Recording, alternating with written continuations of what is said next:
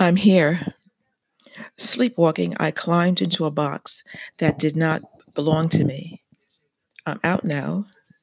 I can't explain to you what made me stay in it so long.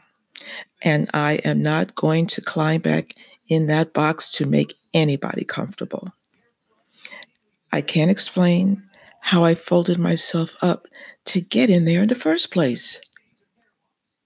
I needed to do something radical that would take me so far away from that box. I wasn't clear on what to do, except sense my way forward. I heard someone speak about an improv class they were taking. Now that caught my attention, and I kept it to myself. I signed up. I signed up again and again. Spontaneous daring, creative, a bit scary. It felt right. Something about it felt like me. I learned of this conference I absolutely believe I needed to attend. It was an investment. I hesitated, but then I filled out the form on my computer.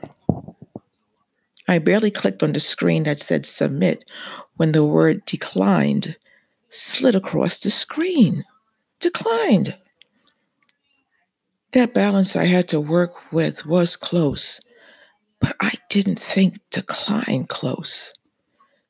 Seeing that word made me more determined to attend the conference. I called customer service.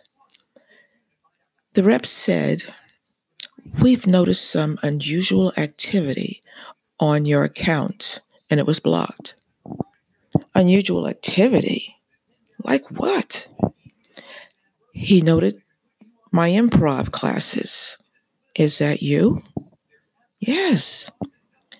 He noted a writing workshop. Is that you? Yes.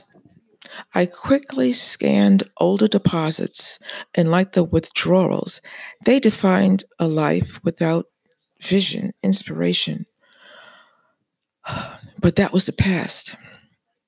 This last attempted withdrawal was compar comparatively large. Is that you? He was looking at the latest attempt, the one related to the conference, which at this point had become a calling on my life. It addressed all the possibilities that I barely dared to dream of, it would be a stretch. Is that you? He repeated. Yes, that is me.